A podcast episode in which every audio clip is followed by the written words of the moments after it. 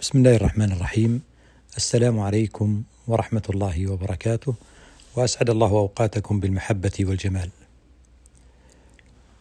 وأهلا ومرحبا بكم في حلقات روح الإيمان وفي هذه الحلقة الثانية عشر حديث عن ترتيب الوجدان. في قلب الإنسان فطرة تجعله يحب العظمة. ثم يبحث عن هذه العظمة ويجرب في التواصل فلا يجد العظمة التي تملأ القلب وتروي عطشه إلا عظمة الله.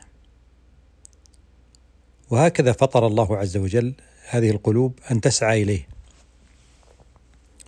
وأن تسير إليه. وأن تكون هذه القلوب متجهة إليه. إن العظمة الربانية الإلهية مذهلة ومدهشة. عندما تتجلى في قلب الإنسان فإنه يحاول ويسعى ويريد ويرغب أن يتجه نحو هذه العظمة وأن يرتب وجدانه وهو ما يجده في سلوكه القلبي. لذلك يأتي ترتيب الوجدان أمر مهم. وكثير من المجربين والعلماء تحدثوا عن هذا الموضوع وكتبوا ولكل أحد طريقته وتجربته. وعندما أتأمل في كلام حبيبي وسيدي محمد صلى الله عليه وسلم أجد كلمات ثلاث. تعطيني شيئا من الترتيب الوجداني. الأولى كلمة الذوق ونجدها في قول سيدي محمد عليه الصلاة والسلام ذاق طعم الإيمان. والكلمة الثانية هي كلمة اللذة. والكلمة الثالثة هي كلمة الشوق. وهما في حديث النبي صلى الله عليه وسلم الذي يناجي به ربه جل جلاله وفاض جماله إذ يقول اللهم إني أسألك لذة النظر إلى وجهك والشوق إلى لقائك. فأصبح عندنا ذوق ولذة وشوق. ولنأخذ هذه الكلمات الثلاث بمعانيها على أنها ترتيب للوجدان. فأول الأمر وبدايته هو الذوق. والذوق يعني التجربة والتفرغ والطقوس والأذكار التي يفعلها الإنسان متوجها بها في هذا الطريق متوجها بها في طريق القلب إلى الرب. وهذه تجربتك ولكل أحد تجربته. فيجرب الإنسان ويرتب ما يعينه ويساعده على تفرغ هذا القلب لأجل أن يقوم بالسعي. فإذا فرغت فانصب وإلى ربك فارغب.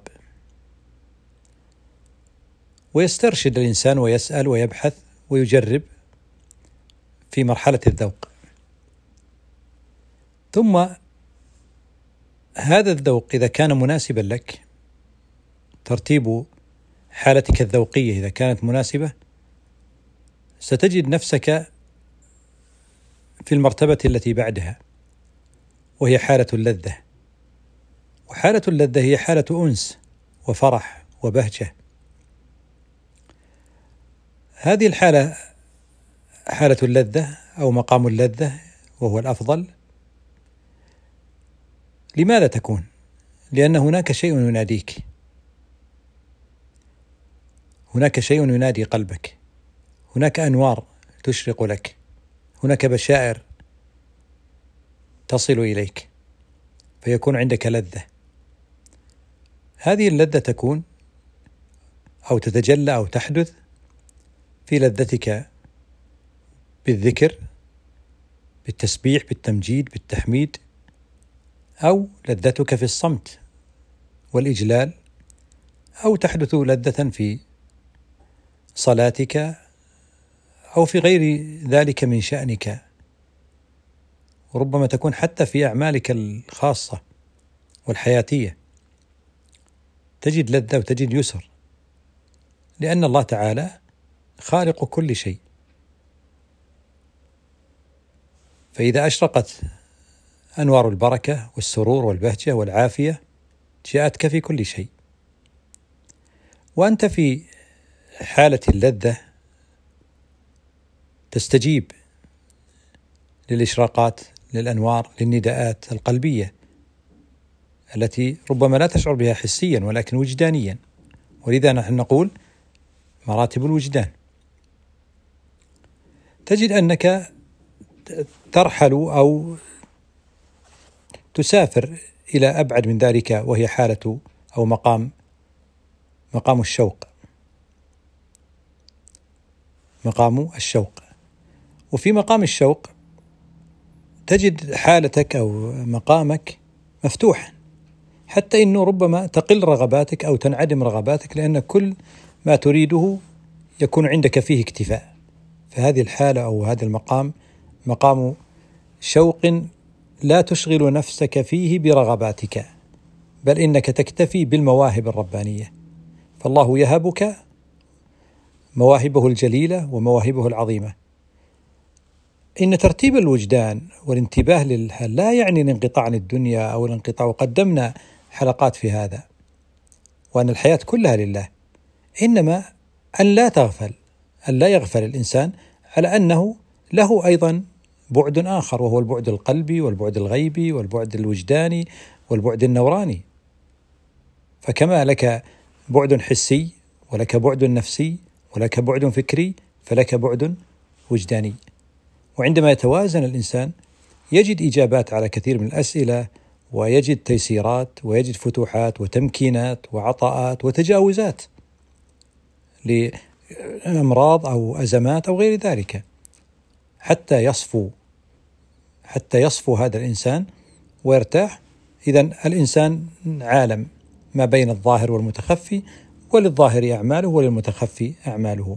فالاهتمام والانتباه مع الحالة الوجدانية يرتقي بالإنسان ارتقاءات مفتوحة.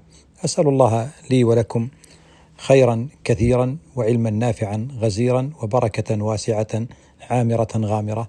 وإلى لقاء آخر بإذن الله تعالى. والسلام عليكم ورحمة الله وبركاته.